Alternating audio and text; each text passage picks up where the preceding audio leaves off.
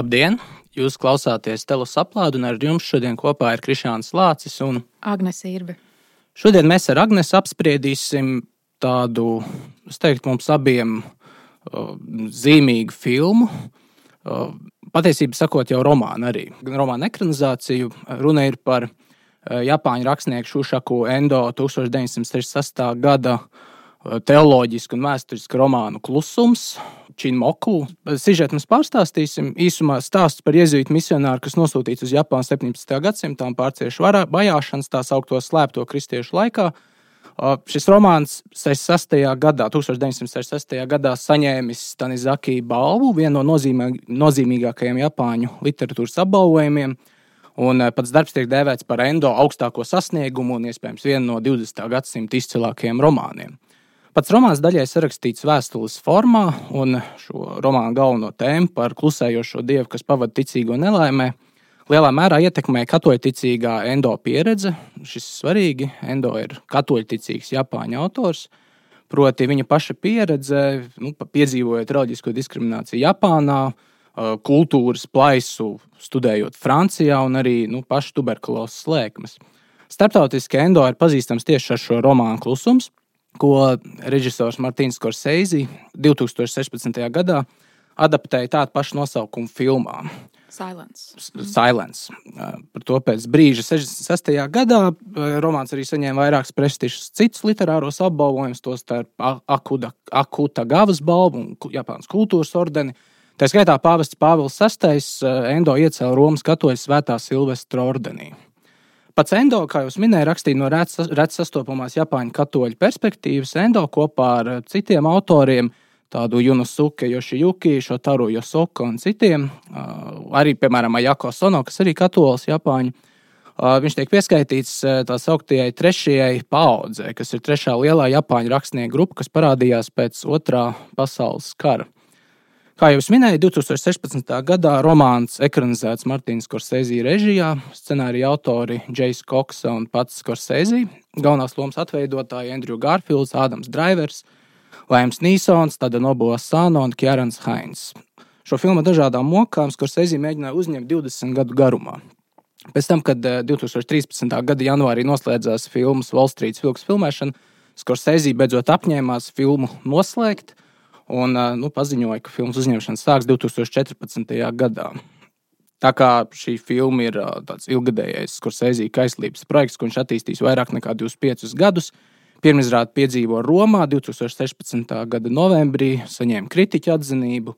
Gan Nacionālā kritiķu padoma, gan Amerikas Filmu institūts izvēlējās klusumu kā vienu no desmit labākajām gada filmām. Saņēma nomināciju arī Amerikas Kino akadēmijas balvai par labāko operatoru darbu. Tomēr filma nopelnīja maz naudas, jo ieņēmumi bija tikai 22 miljoni dolāru, salīdzinot ar 50 miljoniem, kas ieguldīti uzņemšanā. Filma Klusums ir trešā Skorsēzija filma par nu, reliģiskām personām, vai figūrām, vai reliģiskām tēmām. Par tā, galvenajiem varoņiem, kas cīnās ar ticības izaicinājumiem.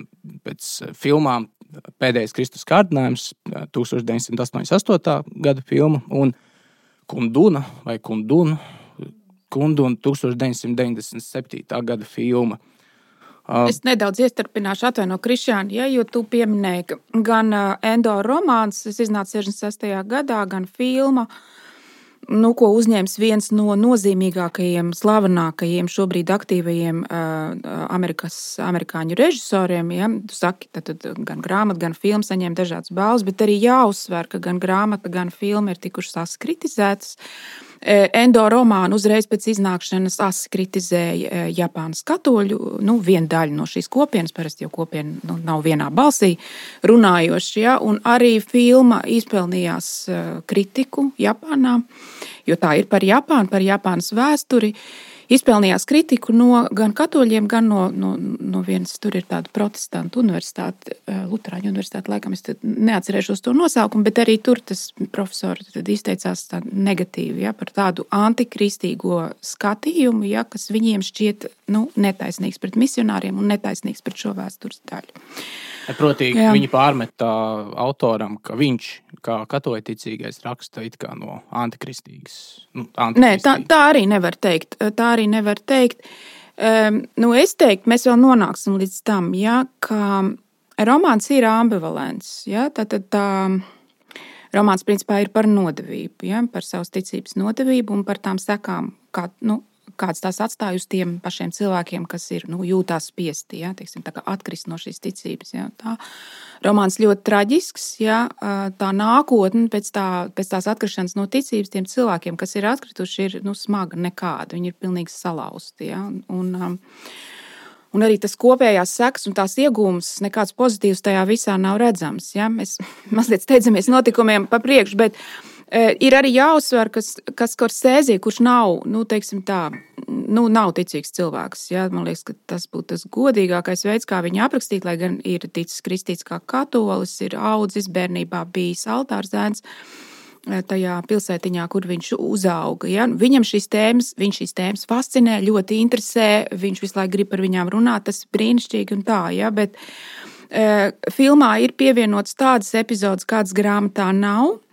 Un, e, un filma ir, nu, um, jā, filma padara visu ticību ja, par tādu subjektīvu un privātu lietu, gandrīz psiholoģisku lietu. Ja, un, nu, ticīgie kristieši dažādās konfesijās to noliektu. Ja? Es gribēju tikai uzsvērt par to kritikas pusi. Ja, pa filmu vajadzētu arī pieminēt, ja šo, šo, šo ticības iekšējības aspektu pieminēja, ka viens no filmas, ne, ja, ja ne pats galvenais filmas konsultants reliģiskajos un teoloģiskajos jautājumos, bija bēdīgs slavenais uh, jezuītu tēvs Džeims Mārtiņš. Nu, bēdīgs, slavenais, bēdīgs, slavenais, nu, mums, jā, plašā nozīmē mums, jā, jo atkal citiem liekas, ka tas viss ir brīnišķīgi, ko viņš dara. Jā, Džeims Mārtiņš ir viens no slavenākajiem jezuītiem pasaulē. Latvijā vismaz, vismaz trīs grāmatas ir tulkotas latviešu izdotas skala rakstos, jā, es nevaru vaļā.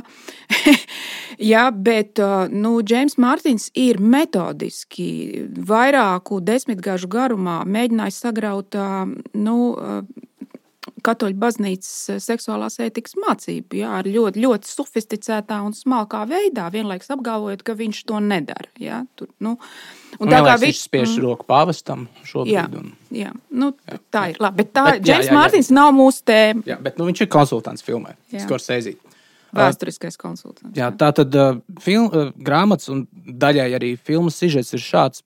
Uh, jaunais portugāļu jēzuīta priesteris Sebastians Rodrīgas, pēc nu, kam tas vēsturiskais prototyps ir Itālis eh, Giuseppe Chiara.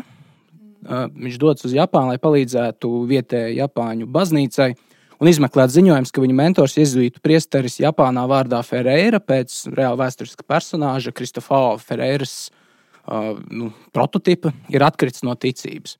Mazāk nekā puse grāmatas ir Rodrīgas rakstīta dienas grāmata, bet otra grāmatas puse ir rakstīta vai nu trešajā personā, vai citu ar stāstījumu saistītu personu vēstulēs, tādos pārstāstos. Rodrīgas un viņa pavadonis Francisko Garpe, arī jezuīta priesteris, ierodas Japānā 1639. gadā. Tur viņi atklāja, ka vietējie kristieši ir nodzīti pagrīdē. Lai atrastu šos apslēptos kristiešus, Tokugawa šogunāta amatpersonas piespiež aizdomās turamos kristiešus kāpt uz Uh, Fumijē, tas tāds japāņu jēdziens, uh, nu, kas apzīmē izgrebtus Kristus vai diamātes attēlus, un dažādos materiāliem no koka vai no svina, man liekas, atlējuma. Uh, tos, kur atsakās ieslūgt cietumā, nogalina pakarot ar galvu uz leju virs bedres un ļaujot lēni nosiņot. Tas arī vienlaikus spīdzināšanas veids. Rodrīgas un Garpe gal galā tiek sagūstīti un viņus piespiež peldēt, kamēr Japāņu kristieši atdod dzīvību par ticību. Šajos mocekļu darbos nav slavas, kā Rodrīgas vienmēr arī ro romāna sākumā, un arī romāna gaitā ilgi tā fantazē par šo martīriju cēlumu. Bet, nu, vērojot Japāņu nāvi, viņš secina, nu, ka šī moc moceklība ir nu, brutalitāte un nežēlība. Pirms Rodrīgas ierašanās varas iestādes bija mēģinājušas piespiest priesterus atteikties no ticības, spīdzinot viņus, taču sākot ar uh, iepriekš minēto atkritušo un arī pazudušo priesteru Ferēru. Viņi spīdzina citus kristiešus, kamēr priesteri to vēro, sakot priesteriem, ka, ka viss, kas viņiem jādara, ir jāatsakās no savas ticības, lai izbeigtu savu ganāmpulku ciešanas. Rodrīgas līdz ar to romānā savā dienas grāmatā atspoguļo savas cīņas, un šis aspekts varbūt arī tiešām iztrūkst filmā. Nu, šīs Rodrīgas tādas iekšējās cīņas, pārdomas par ticību, par teoloģiskiem jautājumiem. Filmā vairāk ir tāda ārējā darbība, diezgan brutāli parādīta. Un nu, tās teoloģiskās tēmas brīžiem uzplaiksnīja. Bet nu, pašā grāmatā uh, Rodrīgas savas ciešanas, nu, jā, domā par savām ciešanām ticības dēļ, iekšēji cīnās par to, vai ir egocentriski un nežēlīgi atteikties no ticības, ja tas izbeigs citu ciešanas. Un, nu, grāmatas darba kulminācijas brīdī Rodrīgas dzird to cilvēku vaicu un nopūtas, kur ir atteikušies no ticības, bet kuriem jāpaliek asiņojot bedrē, līdz viņš pats uzkāps Kristus tēlam. Kad Rodrīgas skatās uz uh, šo fumijē, Kristus it kā pārtrauc klusēšanu, kas ir romāna tēma, un saka, tu drīksti man kāpt virsū. Un tā ir balss, ko viņš it kā dzird galvā. Jā, un tad, tad viņš domā, ka tā ir Kristus balss, vai nu, tad var jautāt, tā ir, kā balss tā ir. Jā. Jā. Filmā tā balss ir Kristus balss, bet vienlaikus ir kā Lajiem Nīstam atveidotā Ferēras balss.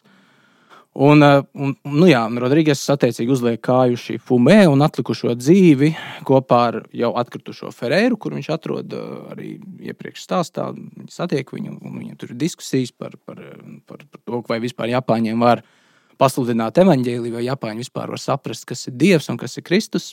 Uh, nu, jā, nu beigās viņi abi ir atteikušies no ticības un dzīvo Japāņu sabiedrībā. Viņus tā cieši arī monitorē.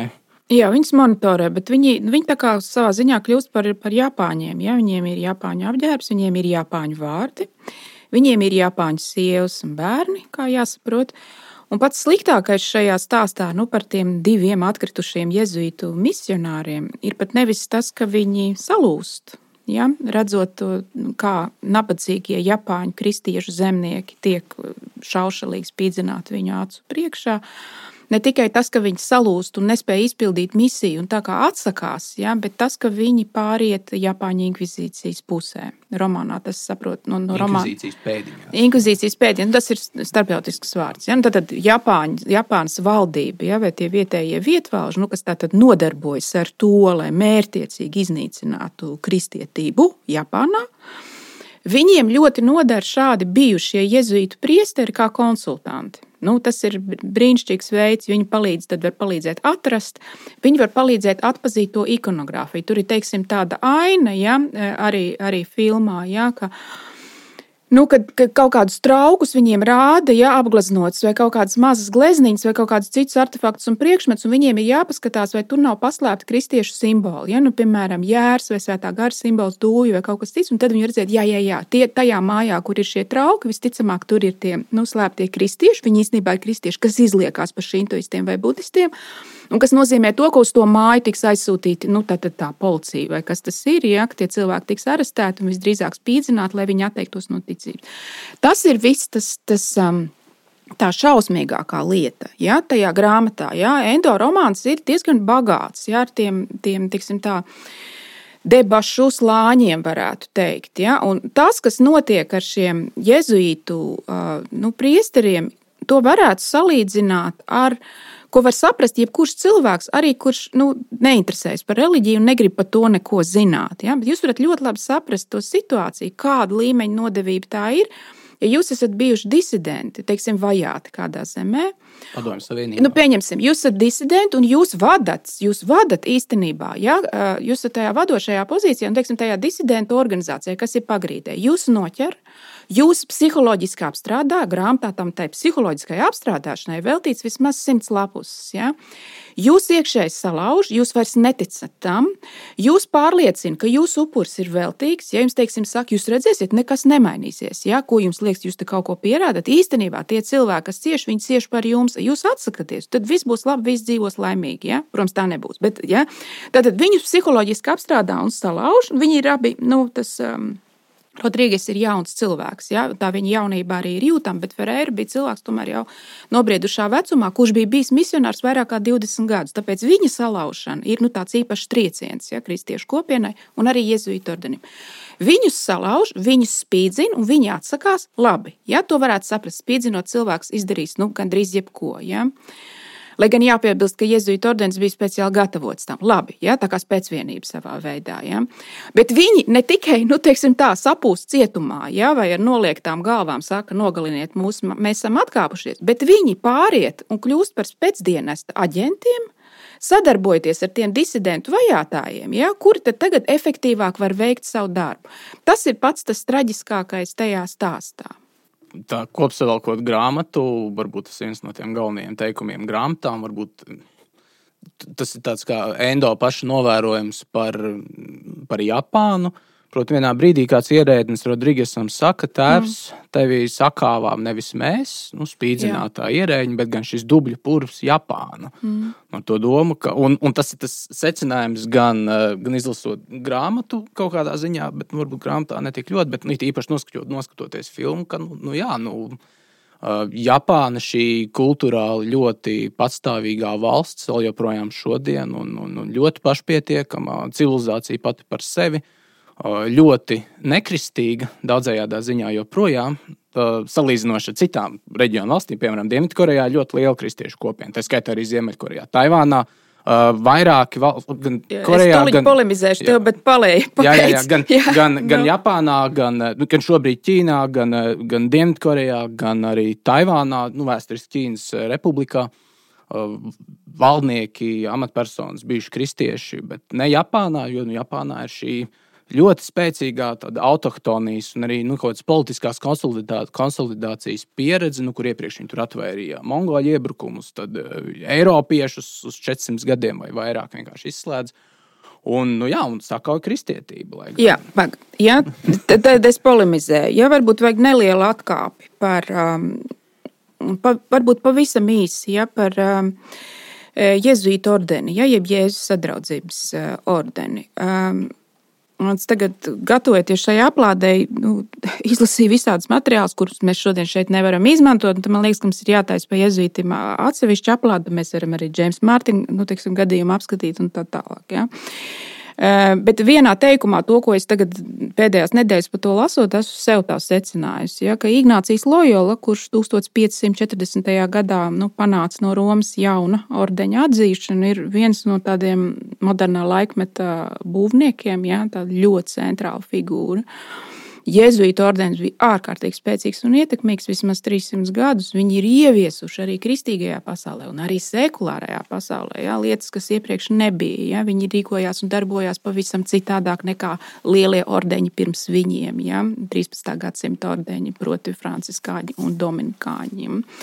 Viņi vienmēr ir bijuši kontroversiāli. Viņi ir, viņi ir vienmēr bijuši uz robežas ar nu, lietām, ka, kuras nav vairs īsti kristīgas, vai par kurām var jautāt, kādā veidā tās īsti kristīgas. Ja? Tur ir tā tas tā ir īpatnība parādība, īpatnēja parādība, kur būtu vērts dziļāk paskatīties. Ja? Un nevis vai nu kritiski vai slavējoši, bet teiksim, analītiski. Ja? Es tā lasot tos materiālus, ļoti daudz uzzināju, ļoti daudz mācījos. Ja? Bet nu, īsumā. Bet pašreizējais pāvests jā. ir ne? Jā, pašreizējais pāvests ir jezuīts, pirmais Rom, Romas baznīcas vēsturē. Ja? Bet tad, tad īsumā.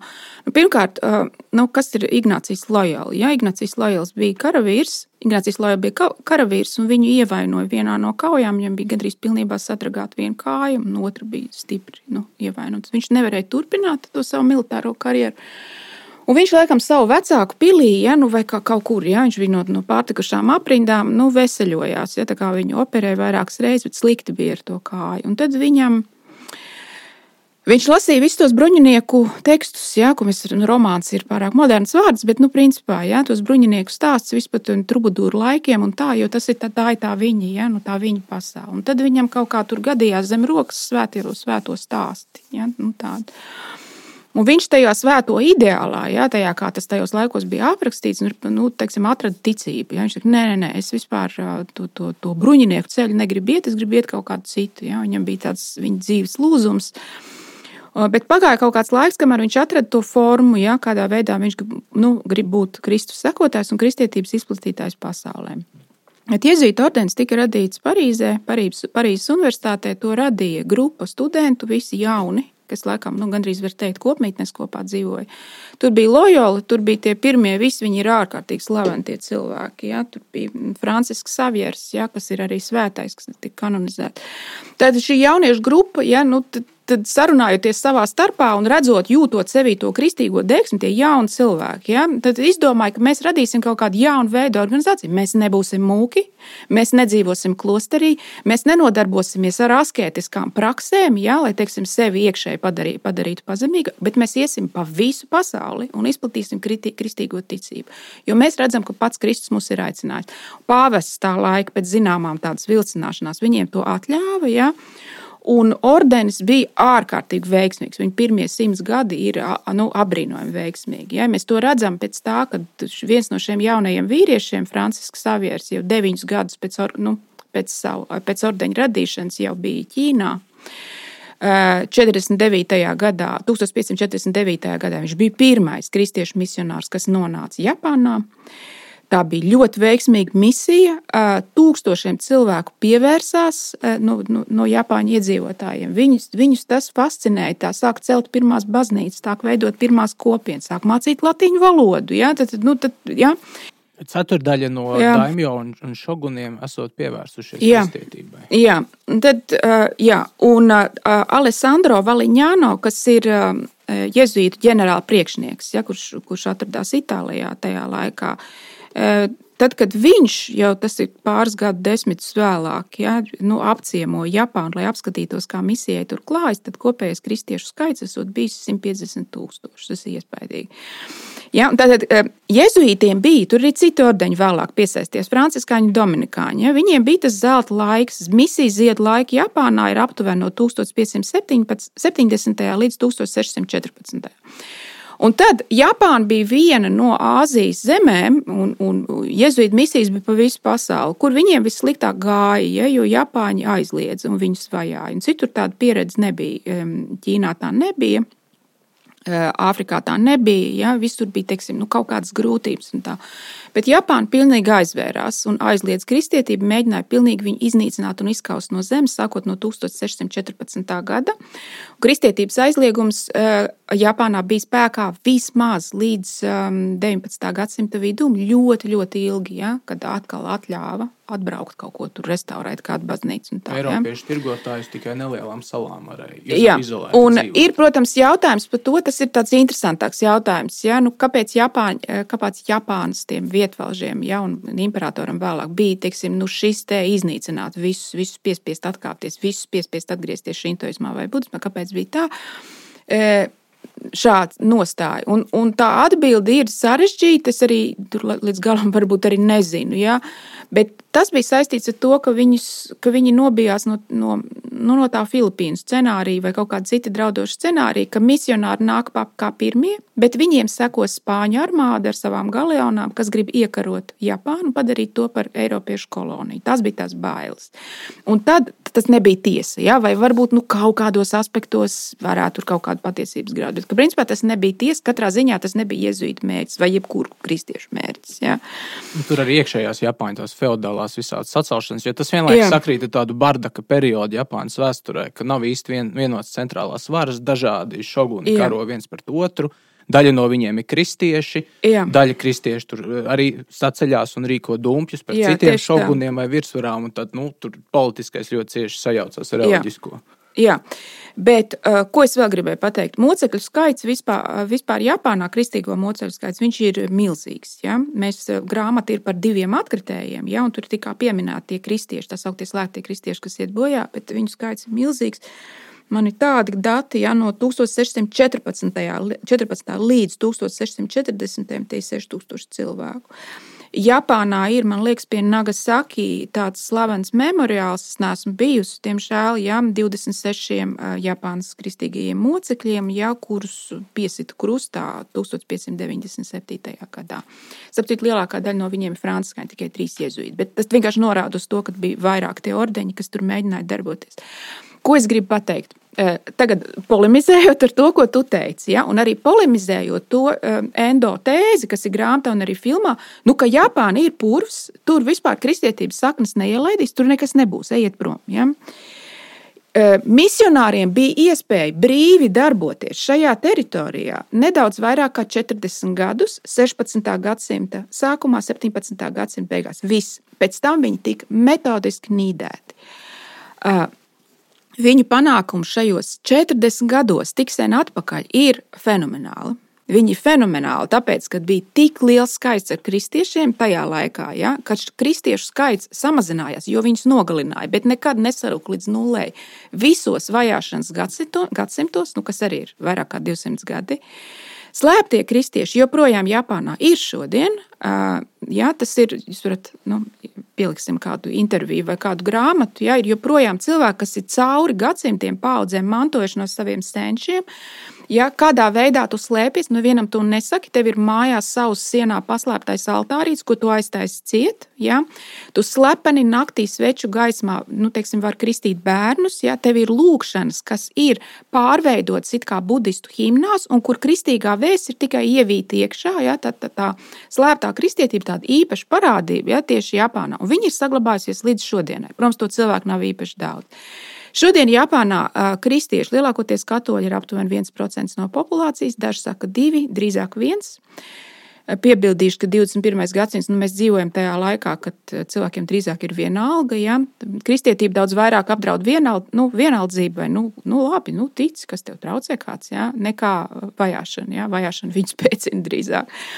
Uh, Kristietības stāsts Japānā ir ar spēcīgiem, arī šausminošiem un traģiskiem notikumiem, kas ir atstājuši iespaidu arī uz mūsdienu Japānu. Kā vienu no tiem es minēšu milzīgo Nagasaki katedrāli.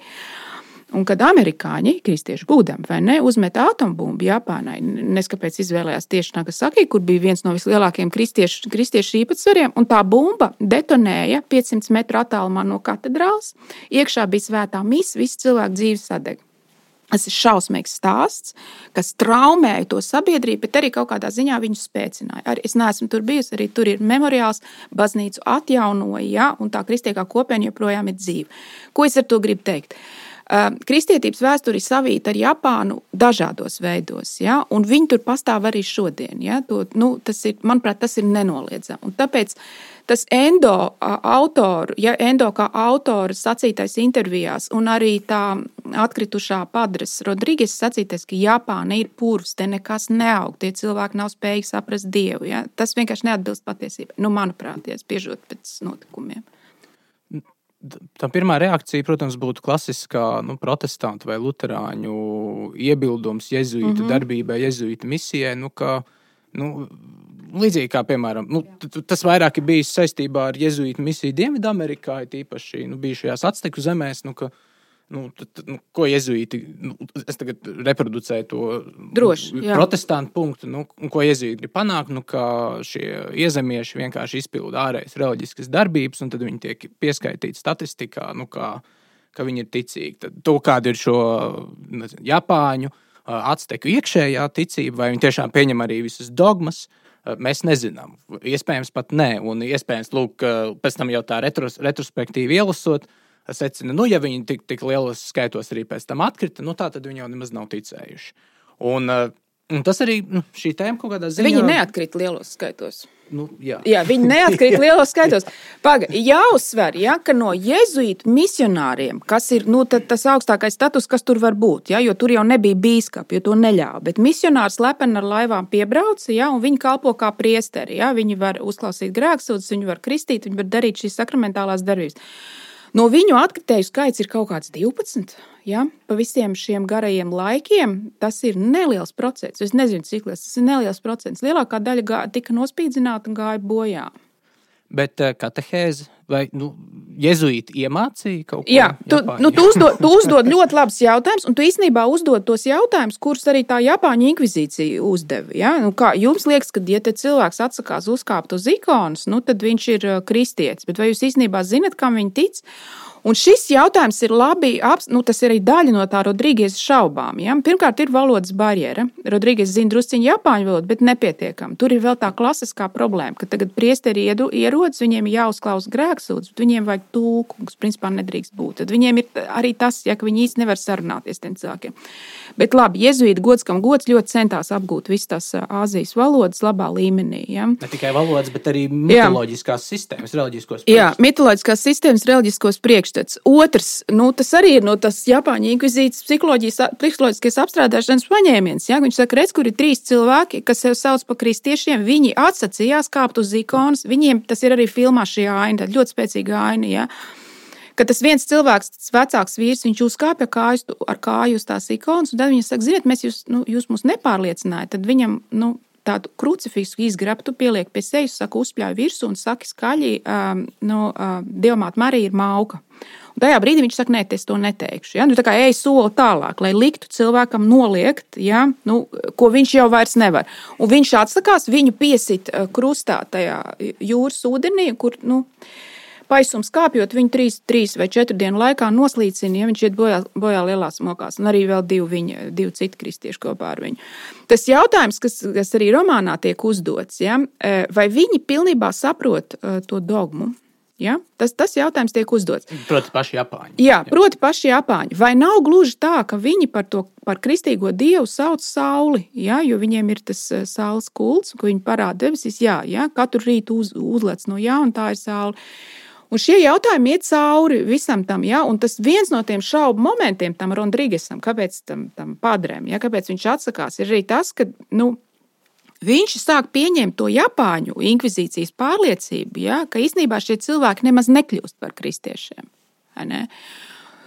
Ja, un Ko arī viņi Ferreira, par ko... Ferreira, no. Nu. Nison, filmā attēlotais Nison, tas jezuītu mentors Rodrīgesam. Uh, ko viņš pēc tam satiekot, stiprina šo pārliecību. Viņš saka, nu, mēs te visu kaut ko mēģinām, bet Japāņi jau netic. Viņi, nu, viņiem, viņi izpilda šos ārējos rituālus, bet iekšā viņi paliek savā šintoismu sistēmā un priekšstatos. Un, Un, un, un viss, viss mūsu darbs ir vēl Jā, un tad ir tas jautājums, kas tāds īsti kristens, kristīgs jautājums. Ja? Nu, kurš šajā, zīd, šajā brīdī ir augstprātīgs un runā it kā viņš kā dievs spētu redzēt cilvēku dvēselē? Nu, kuram tad tas ir dots? Ja? Tam padrem vai Japāņu inkvizītori to redz, ja viņi spīdzina cilvēku un ir pārliecināti, ka viņš mirst ne par ko, ka viņš nemirst par ticību. Nekādā paradīzē viņš nenonāks, Dievs sevi viņš neredzēs. Ja? Viņš tikai iedomājas, muļķīts būdams. Ja?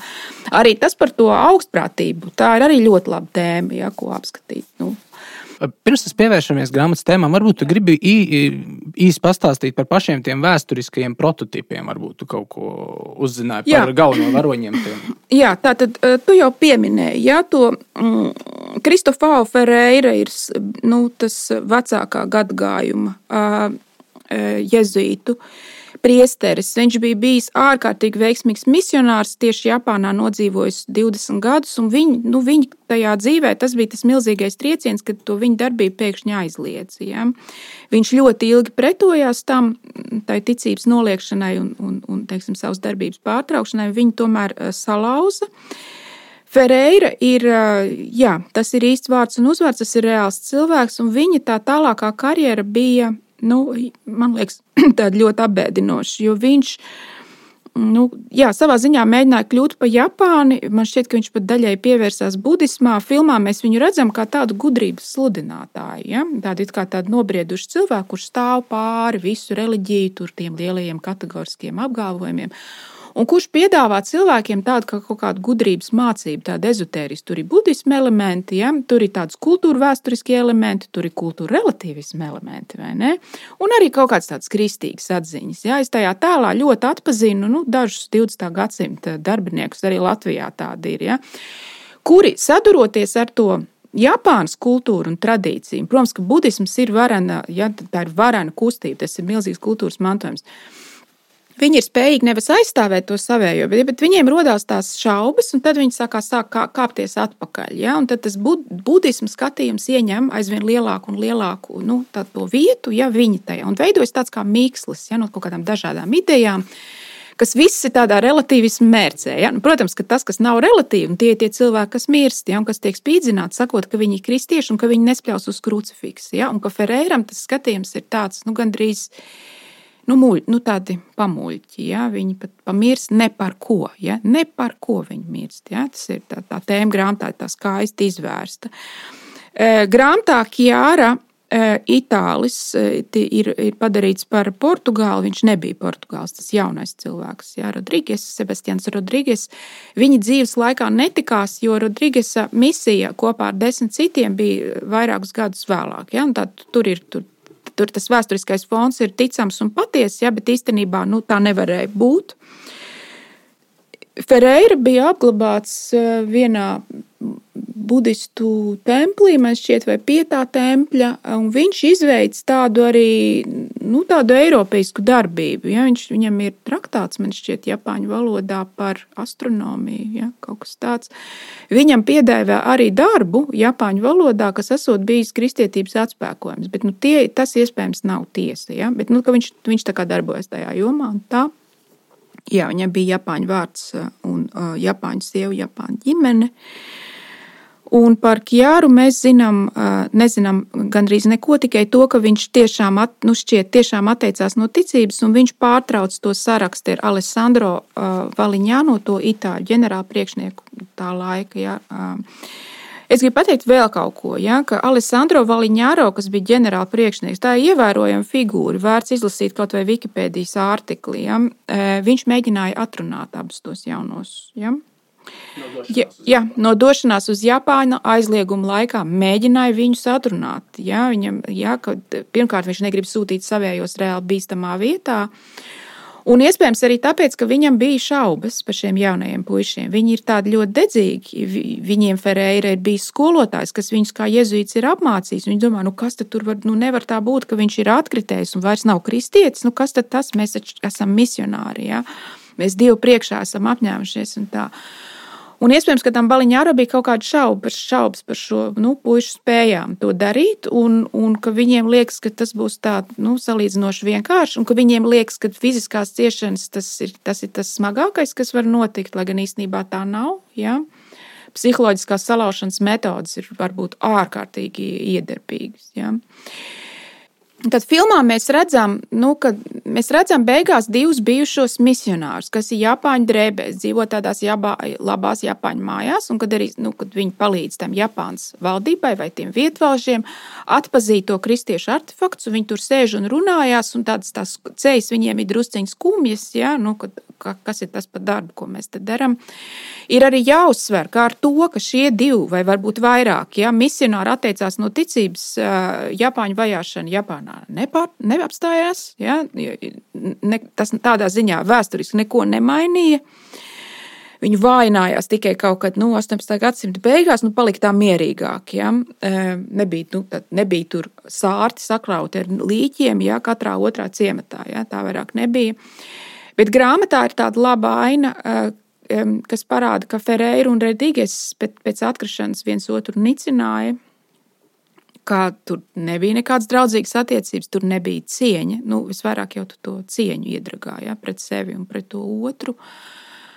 Jo atkrišana paliek atkrišana. Un uh, filmā ir, filmas beigās ir aina, kas ir pilnīgs skorsēzija izgudrojums, ka ka tad, kad Ferreira vecumā nomirst, ja viņš jau ir sirds un gariem matiem, ka viņa sieva, tad, kad citi japāņi to neredz, viņš tiek apbedīts budistu ceremonijā, sadedzināts proti. Ja? Viņam ieliek rokās tādu audumu, baltu audumu, kurā ir iekšā krustiņš, tāds koka primitīvs krustiņš, kuru iepriekš tajā filmā kāds kristīgais zemnieks viņam bija iespiedzis rokā. Ja? Mēs arī redzam to artefaktu nozīmi ja? tiem, tiem, tiem japāņiem. Viņiem baznīcas nav.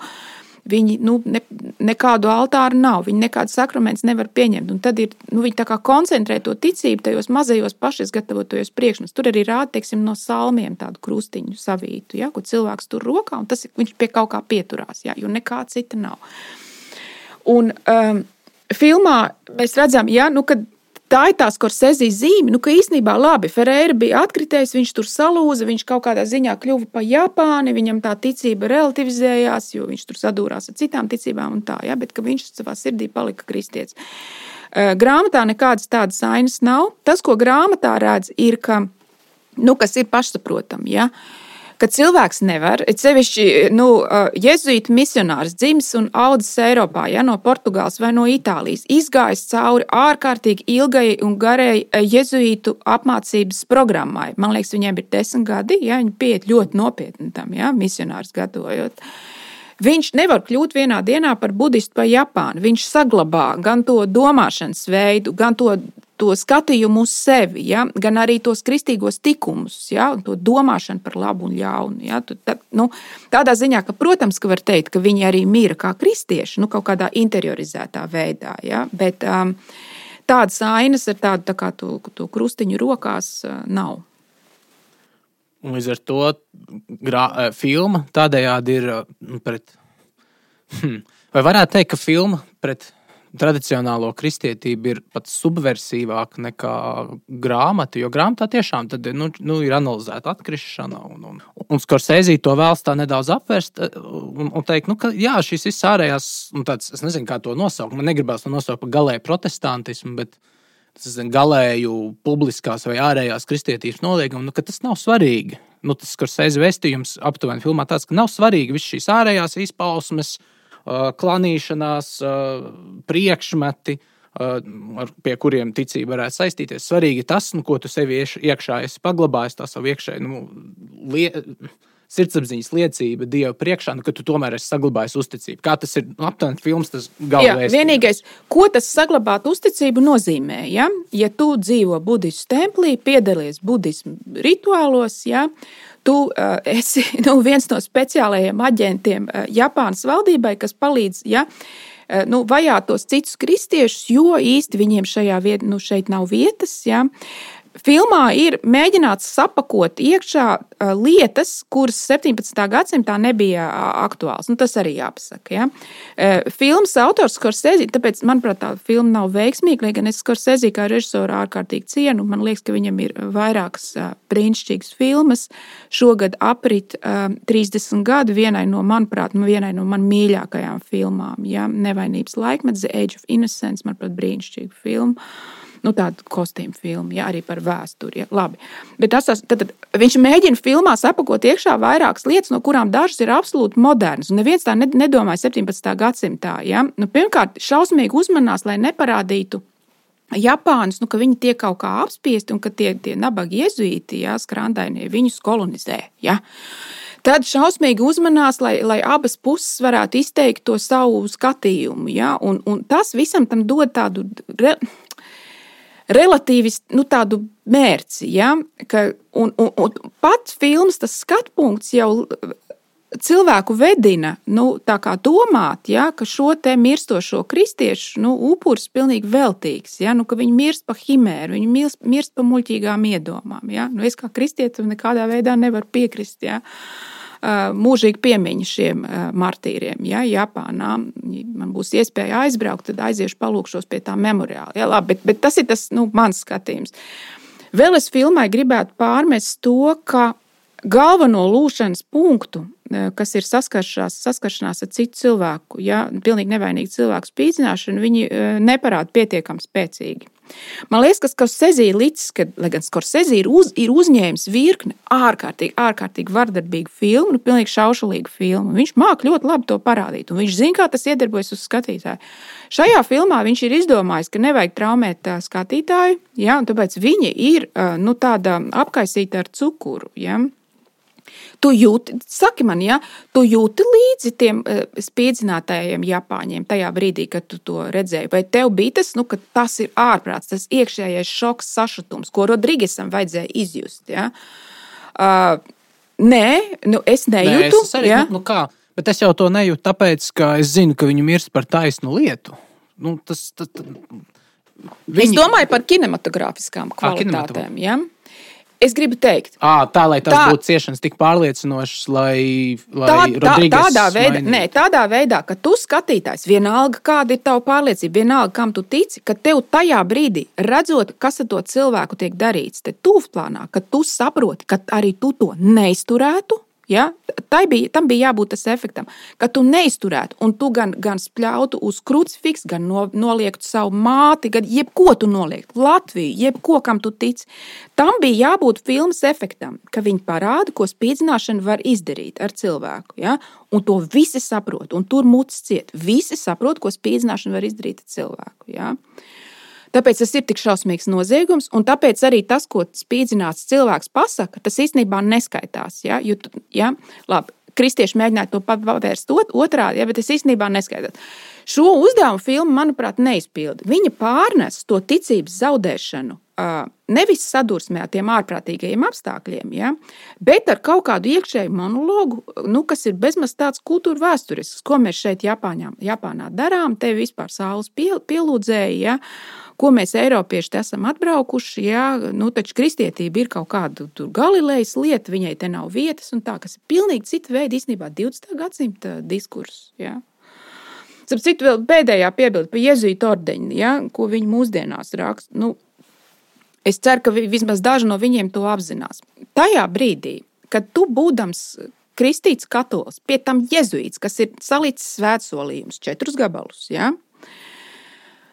Par kaut ko, par ko tu esi principā gatavs atdot savu dzīvību. Tajā brīdī, kad tu sāc skatīties uz jēzuītu vēsturi, vēsturi kā, kā kolonizācijas vēsturi, kā vēsturi, kurā šis te portugāls vai itālis brauc uz Japānu vai Ķīnu vai Filipīnām un tur nu, ne, neciena vietējās, ja, tur, tur paražas, ja, un viņiem kaut ko mēģina iestāstīt par kaut kādu kristiešu dievu. Tajā brīdī, kad tu nostāc to kol koloniālismu nosodījumu pozīcijā, tu jau esi zaudējis ticību. Nu, ko tas nozīmē? Tu jau esi zaudējis ticību.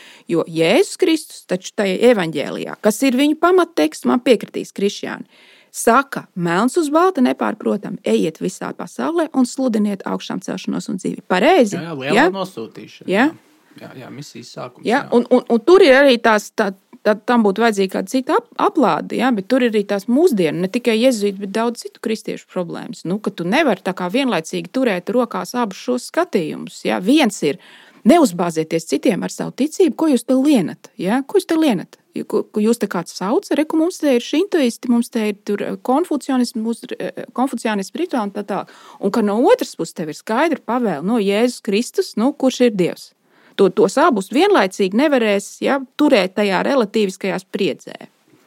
Man liekas, jā, tas ir tas, kas arī tiešām tagad stāsta, tas sāk saprast. Nu, films, ko tas saprast? Jā, ka, nu. uh, tiešām uh, filmā tas nav parādīts, un varbūt tiešām tur, tur atspoguļojas tas, kas Scorsese varbūt nemaz nesaprot tās augstās likmes, kādas ir kristietībā. Un endo grāmatā, un endo grāmatā tas ir, man šķiet, ir vairāk tomēr redzams nekā filmā. Proti, Nu. Iekš kā balstās vispār eh, tā, tā um, trauks, nu, kā to nosauc, trauksmainums vai steidzamība, kas ir katrā kristīgā misijā. Protams, arī vienalga, ka pat, pat ne pasaulē, kad mēs skatāmies pirmajos gadsimtos, kristietība strauji Jā. izplatās Romas Jā. impērijas ap, eh, gadsimt, divu gadsimtu laikā strauji izplatās, sastopām visos milzīgās impērijas nostūros.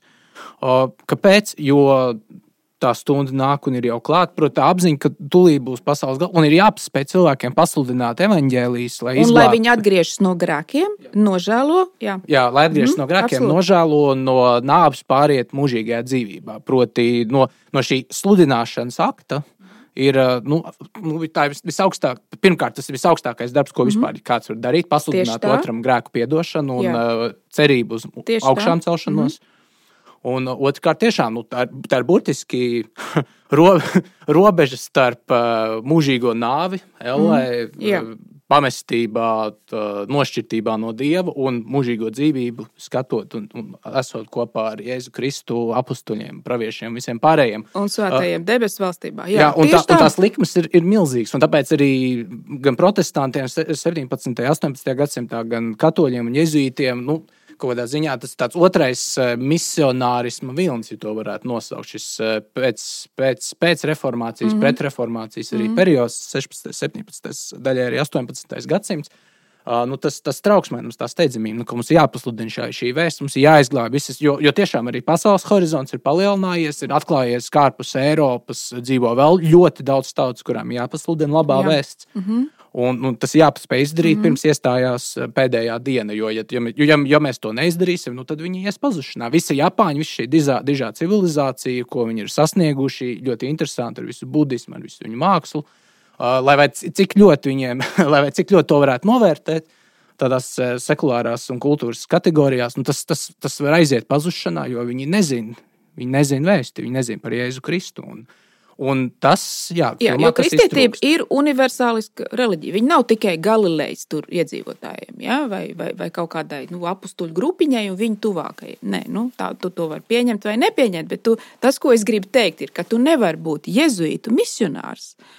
Un vienlaikus uzskatīt, nu, ka kristietība ir tikai viena starp daudzajām reliģijām, praksēm, varbūt interesanta, varbūt jauka, jā, varbūt ar saviem trūkumiem. Tā, jā. Tu šīs abas pozīcijas vienlaikus nevar turēt. Nu, tur, Un, manuprāt, tas. Nu, Varbūt, nu, labi, es teiktu, um, tu esi redzējis filmu divas reizes. Ja? Uh, tad, tad tev patika filma. Tu no tās kaut ko iegūsi. Varbūt parunāsim par tām labajām lietām. Jo es nu, šurp nācot arī atcerējos, ka viens no telos autoriem, kurš varbūt negribētu, ka viņu vārdu piemin, um, nu, viņš zināja, ka mēs gatavojam to aplādi un šo aplādi. Tad viņš kaut kā pateica, kā viņš pateica. Ka, kas Korsezī filma ir sofisticēta sātanisma apoloģija, nu kaut jā, kā tuvu tam. Jā, jā, jā, jā. Man liekas, tas var būt drusku pārspīlēti. Ja? Tos Korsezī nav gribējis, ja? bet viņš pats ir kaut kā nu, savu. Jā. Jā, ne, es Pirmkārt, Džeims Mārtiņa ietekmē, pār, pārāk lielā Džeims Mārtiņa ietekmē nekritiskā, jā, tur tad ir tāda rožaini, rožaini intervija, ko Džeims Mārtiņš, viņš ne tikai bija konsultants filmā, bet viņš vēl intervēs, kā sezinu, tur viņam visu kaut ko prasa un tā, jā, nu. Uh, nu, ka viņš ir tāda guru figūra. Džeims Mārtiņš arī tēlo priesteri, man šķiet, vairākās Skarsezī filmās. Ja? Tur viņš ir nu, tāds pietuvināts cilvēks, un nu, man būtu gribējies, lai Skarsezī, kurš ir gudrs cilvēks, viņš redz kaut kādu citu skatījumu, ja? viņam ir kaut, kaut kas, ar ko salīdzināt. Ja? Nu, jā. Jā, nu, nu, kas, kas tev patika filmā? Uh, varbūt daļai tiešām tā fakta dēļ, ka es tik ilgi esmu ieguldījies arī nu, studijās, un, un, un rakstot, un, un, un, un domājot, mēģinot uzrakstīt doktora darbu par Kirkegoru.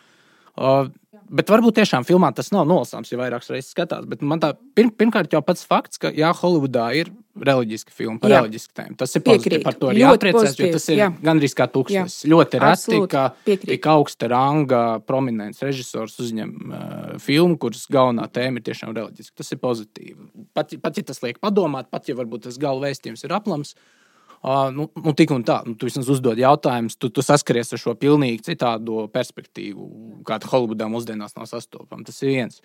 Otrs, uh, nu, filmas atziņa. Pat ja beigās to mēģina pārliecināt par pretējo, tomēr ir nu, šī klasiskā, nu, vismaz man filmas, un it īpaši arī grāmatā, uh, nu, ka martīra asins ir baznīcas sēkla. Proti, mēs šodien daudz runājam un domājam par to, kā baznīca varētu atzimt un varbūt pat izdzīvot rietumos, un daudz kur pasaulē baznīcai klājas labi. Um, Daudz kur baznīca arī tiek vajāta, un kristieši, tīpaši tuvajos austrumos, tur Ķīnā, Ziemeļkorejā, šur tur Āfrikā.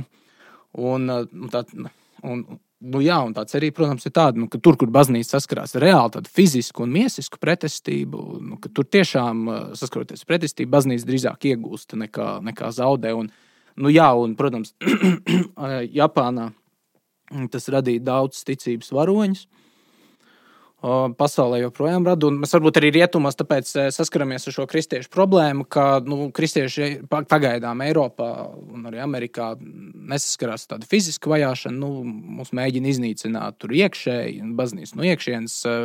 Sagrozot mācību, pārdefinējot pamatjēdzienus un kaut kā mēģinot padarīt atklātākus laikiem. Uh, nu, atvērtāks pret, pret laikmetu, kaut kā pielāgot vēsti vidējam cilvēkam. Un, un, un, un, un tas varbūt ir pat postošāk, protams, nekā tāda reāla baznīcas vajāšana, bet no otras puses, nu, filma arī parāda. Nu, Un te varbūt man tiešām ir daļai jāpiekrīt tam filmu saistījumam, ka vajāšanas, protams, var būt tik ļoti spēcīgas, ka nu, kristietība tiešām var arī iznīcināt. Uh, ne tikai Japānā ilgstoši, un tiešām ļoti maza sauņa paliek no ļoti liela skaita, bet uh, Nu, ja mēs paskatāmies šodien uz tuviem austrumiem, nu, tur pēdējo, pēdējo 30, 40 gadu kara rezultātā kristietība tuvajos austrumos ir gandrīz iznīcināta. Mm. Un, nu, tas ir fakts, ko ir, jārēķinās. Un varbūt tā ir vēl viena lieta, kas man patika filmā, tā, nu, tādā trešajā filmā, un arī varbūt, grāmatā, trešajā lasījumā, ka, ka cilvēki izgāžās. Ka, tāds realisms par cilvēka nu, īstajām spējām. Ka, nu, jā, no vienas puses mums ir šie ticības varoņi, dažādi svēti un ideāli, un arī tas, ko mēs lasām. Bībelē par, nu, arī, ko Kirkegors sauc par ticības prototipiem. Abrahāms, un, un, protams, arī pats Jēzus, un, un, un, un apstuļi, un Dāvids un, un citi. Uh, bet no otras puses, nu, tas reālais stāvoklis tiešām tāds, nu, nu, tīpaši, kad es paskatos apkārt, nu, cilvēki, cilvēkiem neizdodas. Cilvēki izgāžās, cilvēki uh, krīt, sairst no augstākas pozīcijas, no arī morālās pozīcijas, kurā viņi varbūt vienā brīdī dzīvo, nevis nonāk vēl augstākā, bet drīzāk pakāpeniski samaitājas, sairst, krīt, iet postā. Un var, var krist un galīgi izgāzties. Un, un man liekas, ka nu, filma šo Nu, protams, varbūt tā pēdējā aina ar krustiņu to nedaudz apvērš. Un, un grāmata tādā ziņā tiešām ir spēcīgāka. Jā jo viņi turpina kā atkritēji dzīvot sabiedrībā, un tad viņiem nu, var redzēt to viņu iekšējo stāvokli, kā, kāds tas ir. Un, Un, un, un tas, man liekas, ir vērtīgi šajā darbā. Tas, tas parāda arī tādu tādu kristietības pamatu atziņu, ka tu vari dzīvot, vienlaikus esot miris iekšēji. Tu ārēji kusties, tu jā, jā, jā. kā tas cilvēks, ir labi parādīts sabiedrībā, bet jā. tas iekšēji miris. Kāpēc? Tu zaudēji ticību. tu zaudēji ticību, un tu zaudēji ticību. Kāds izpaužās, tu iekšēji sev sašķelt. Tu vairs neesi vesels cilvēks. Uh, um, tu esi melojis dievam, un arī ne, ne obligāti ārēji. Tu, nu, protams, no protestantu perspektīvas tas nu, šķiet absurdi. Nu, nu, nu, nu, ko, ko tā figūra? Jā. Nu, nu, labi, Uzkāpt, var uzkāpt iekšā, es paturu domas pie sevis, bet svarīgs arī no protestantu perspektīvas tas motīvs, kā tu pats iekšā tajā brīdī atrodies. Dieva priekšā. Kā, kā tu pats, un, un skaidrs, ka tajā brīdī, kad uzkāptu, uh, uzkāpu svētbildē, tu, vien, tu vienlaikus Pāvils arī par to raksta, vai ne? Sirdsapziņa apsūdz pati sevi. Un tas ir tas, tas lielākais iekš, iekšienes ēdošais moments, uh, nu, kur pēc tam var bezgalīgi atkārtoties un atkārtoties. Un tu domās, atgriezies pie šī, pie šī atkrišanas momenta, tu viņu nepārvari un nu, tu paliec iekšēji miris. Tu neesi izlīdz ar Dievu, tu neesi, nu, nu jā, jo, jo nu, tu, tu, tu esi atkritis. Un man liekas, ka filma to, un arī grāmatu šo momentu diezgan labi parāda šo nu, tiešām atkrišanas risku, ka cilvēks var izgāzties un, un, un ka, ka tas ir jāņem vērā. Man noslēguma vārdi varbūt. Ja? Es domāju, ka Skorsēzī filma nav izdevusies arī kā kums. Ja? Es domāju, ka viņi ir veselu stundu pa garu um, ka beigas nepārliecina, ka, kā jau es sacīju, daudz, daudz sainas neizraisa to psiholoģisko efektu uz skatītāju, kādas, kādu tās būtu varējušas izlais, izraisīt. Uh, lielākā daļa Japānas, Japāņu aktieru man nepārliecināja, jo man likās, ka uh, tieši no šiem Japāņu aktieriem tiek prasīts nu, kaut kāds tāds jocīgais teātrālums, iztēlojoties, ka 17. gadsimtā zemnieks tā izturējās. Viņš tur pārvalda acis, tur, tur met rokas gaisā. Savukārt tie, tie rietumu aktieri, ja, Gār, Gārfilds un, un Ādams Drivers, kas ir ļoti labi aktieri, viņi ir tādi pilnīgi moderni. Ja, viņi ir tādi tā kā gandrīz mēs, ja savā tajā ķermeņa valodā, izteiksmes veidā. Man liekas, ka tas arī īsti nedarbojas. Bet es pilnībā tev pievienojos, un tāpēc mēs šodien par to runājam. Ja jau otrā stunda iet, ja. E, mēs esam pateicīgi par jebkādu darbu, par kristīgo, te, kristīgo tematiku. Es skatos visu ļoti rūpīgi. Man patīk arī, un es priecājos arī par filmām, kas ir ne tikai antikristīgas, bet pretkristīgas, ja, vai maldinošas. Vai, ja, jo man ir ļoti svarīgi, nu, ka par to runā. Un ka tas, teiksim, šajā gadījumā šī filma parāda, ka, pašam Skarsezī šie jautājumi ir nozīmīgi. Turklāt bijuši nozīmīgi kaut kādus vairāk kā desmit gadus. Grāmata ir labāka par filmu, eh, bet es kritizētu arī grāmatu. Es, protams, nevaru izlasīt japāņu valodā. Mm, es lietoju to mm, tulkojumu, kas iznāca dažus gadus, man liekas, 60. gadu beigās. Tad, tad romāns japāniski ir 66. gads. Man liekas, ka tulkojums angliski parādījās jau 1969. gadā. Eh, stilistiskais kaut kāds eh, sasniegums tur nav nekādi, turpat nav nevienas valodas figūras vai kaut kāds interesants izteiksmes veids. Mēs šajās aplādēs esam runājuši par romāniem, pret kuriem arī esam kādreiz bijuši kritiski, bet kuru, neteiksim, stilistiskā vērtība ir ļoti augsta. Endo romānā es neredzēju vispār, ja viņš tad līdzās, līdzinās gandrīz tāds avīžu ziņu rakstam. Eh, grāmata uz beigām paliek labāka, pēdējās 50 lapus varbūt ir vērts. Ja, tur ir tādi pievienoti tādi arī dokumenti, ja, tur no, no, no, no muitas dienesta, no tiem laikiem, ja, kas tur uz kuģiem atrasts. Tur ir veikta vēsturiskā izpēta. Un pats svarīgākais ir, ka romāns ir uh, notikums, un viņš bija notikums tajā brīdī. Un, tā kā viņi iztulkoja, viņš bija notikums. Tagad bija filma, bija notikums. Ja? Tas ir slavenākais endo darbs, un viņa nozīme nepāries.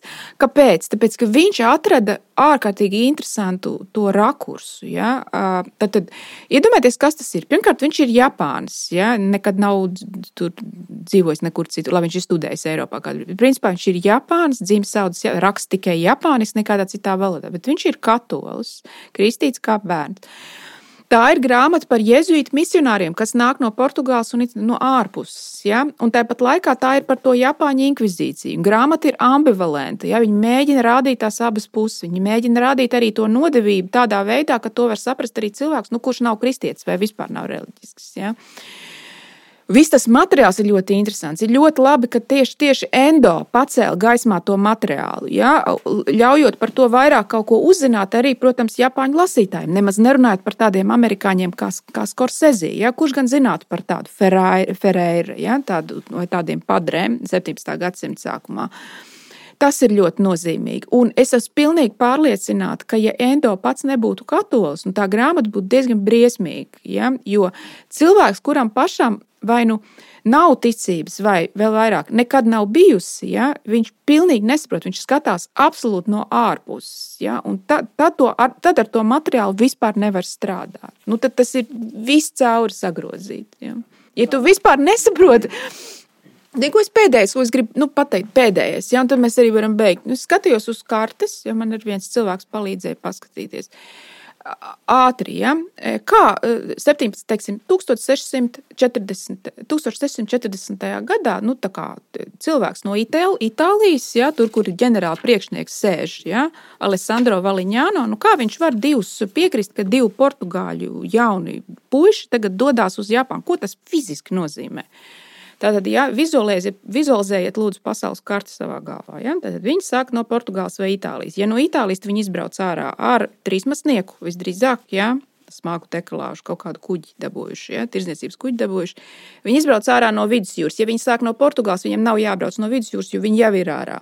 Ko viņi tagad dara? Viņi tagad brauc lejā cauri visam Atlantijas okeānam, ja? apkārt visai Āfrikai, jo nav Suecas kanāla. Viņi brauc apkārt Āfrikai ar savu trīsmasnieku. Ja, kur, Un kāds zinātājs līdz apkārt labās cerības ragam, ja kāds zinātājs man teica, ka tas var paņemt arī pusgadu, ja nav vēja. Nu, tā, ja, lai saprastu. Tad viņi tiek apkārt Āfrikai, tad viņi brauc atkal uz augšu, tagad viņi brauc garām Madagaskarai, tagad viņi ir Indijas okeānā. Tad viņi brauc uz, in, uz Indiju, Goa provinci, ja, kur ir eh, tāds, tāds kā. Nu, Viena no bāzēm eh, portugāļiem un arī jezuītiem. Tagad viņi tiek uz Goa, Tur viņi izkāpa krastā, viņi visdrīzāk maina kuģi, vai arī viņi gaida nākamo kuģi, kas dodas tālāk. Šis jau ir pagājuši septiņi mēneši, viņi ir pusceļā tikai. Ja? Vajag saprast, kas tas ir. Un viņiem nekā nav. Viņiem ir tikai drēbes un maz tādas somiņi ar tiem sak, nu, teiksim, sakramentāli trauks, tur kaus un tam līdz bībeli viņiem ir. Vairāk viņiem nav. Viņi brauc, viņi tur dodas visā šajā ārprātā. Ja? Cauri pusi, pus, apkārt pusi planētai, ja, tikai dēļ ticības un dēļ misijas. Un to arī vajag saprast. Labi, tagad viņi ir goā, tagad viņi sagaida nākamo kuģi, ja, tas arī grāmatā ir drusciņi, bet īsi. Tagad viņi no Indijas brauc uz leju, tagad viņiem jā, jāizbrauc apkārt pa apakšu Indijai, viņi turpina. Tagad viņi dodas uh, in, uh, Indoķīnas, nevis Indonēzijas virzienā, tur viņi lēnām tiek cauri tām salām, Cerams, ka viņus tur viņiem neuzbrūk pirāti, jo arī tas notika. Ir šausmīgi stāsti, kā pirāti uzbrūk tiem misionāru kuģiem, visus noslapkavo vienkārši izbaro aizvīm. Jā, viss cauri beidzās, pilns ar stāstiem. Tagad viņiem paveicās, viņi tiek cauri Indonēzijas salām, tad viņi brauc uz augšu. Tagad viņi ir pie Ķīnas, tad viņi apstājas Makao, kas ir vēl viens eh, portugāļu bāzes vieta. Tur viņi atkal pabaro, ja varbūt tur nomazgā, atpūšas tur. Tagad, tagad jau viņi ir salīdzinoši tuvu. Un tad no Makao Ķīnā. Viņi brauc vēl uz augšu, viņi ir Dienvidķīnas jūrā, un tad viņi tiek Japānā. Un, un, ko nozīmē? Viņi tiek 1640. gadā pie, 40. gadā pie Japānas. Viņi mēģina tikt iekšā teritorijā, par kuru viņi gandrīz neko nezina. Viņiem nav kārtas un nekā, kur klāt. Viņi, kur viņi zina, ka kristietība ir aizliegta, un ja viņus noķers, viņus nospīdzinās līdz nāvei. Un tomēr viņi to dara. Patiesības augstās likmes. Jā. Un šī ir daļa no vēstures, mūsu vēstures. Reāli cilvēku vēsture, Jā, kas turpina apstuļu darbos aprakstīto vēsturi. Uh, labi, noslēdzot arī pēdējā atziņa no manis, uh, kāpēc arī man tomēr nu, gan grāmata, gan filma šķita nu, svarīgi, interesanti. Ir, uh, nu, varbūt pretēji autori iecerētajiem, manuprāt, ir jēdzīgs uh, grāmatas un filmas atgādinājums, ka uh, nav neutralitātes. Vai ne individs un vesels sabiedrības atzīst, ka Kristus ir kungs, vai arī par kungiem kļūst sveši dievi, kuri pieprasa asins. Un kristietības tā būtiskā vēsts tiešām tāda, ka asins upuri vairs nav nepieciešami, jo Kristus ir šis pēdējais un galīgais asins upuris, kas arī piepilda bauslību. Proti, Un tas arī tiešām par to vismaz filmu man liek domāt, nu, ka nav tāda neitrāla tirgus laukuma vai agoras, kurā kristietis varētu diskutēt ar nu, šintoistiem vai pagāniem vai sekulāristiem. Uh, ka jebkura kultūra ir neizbēgami nu, teokrātiska vai teocentriska. Nu, tur viens, nu, vienīgais dievs vai kaut kāds svešs vai citi dievi. Un arī Toku Gaušs, šogunāts ļoti labi apzinājās šīs kristietības pretenzijas, un tāpēc viņi arī rīkojās likumsakarīgi. Un, nu, Tad mums jāizdara secinājumi arī par šodienu, par šodienas uh, vadošajiem spēkiem, uh, par kristiešu stāvokli. Un, uh, nu, jā, nu, tiešām uh, pirmajā brīdī tev šķiet, ka tas, kas šobrīd valda, ir vienkārši sekulārisms, bet nu, nē, tie ir vienkārši manuprāt, citi dievi. Citi dievi, sveši jā. dievi. Mm, citi dievi. Ticība, jā. Paļaušanās uz kuriem vai tāda vārga, vāja ticība, kuriem nu, nāk līdzi ar nu, savām blaknēm, ja, kas arī man šķiet tajā romānā ir nu, iezīmēts. Ja tajā Ferēras, tajā ezotēriskajā konstruktā, ko viņš ir izveidojis, nu, tāda kā gudrības, tāda gudrības teoloģija, ja, viņai ir tās blaknes. Nu, kuras varētu nosaukt par tādām klusinātām, bet nepārējošām ciešanām. Un arī vitalitātes trūkums, protams. Jā. Un tāpēc arī mūsdienās, tepat rietumu sabiedrībās, ir ļoti iespējams un ļoti arī novērojams tāds fenomens, kā ir kristieši, kur ārēji kustās un darbojas kā kristieši, bet viņi iekšēji ir miruši. Un tas tāds baisas brīdinājums no šī eh, no grāmatas un no filmas. Labi, ar jums šodien kopā bija Krišāns Lācis un Agnēs Irbe.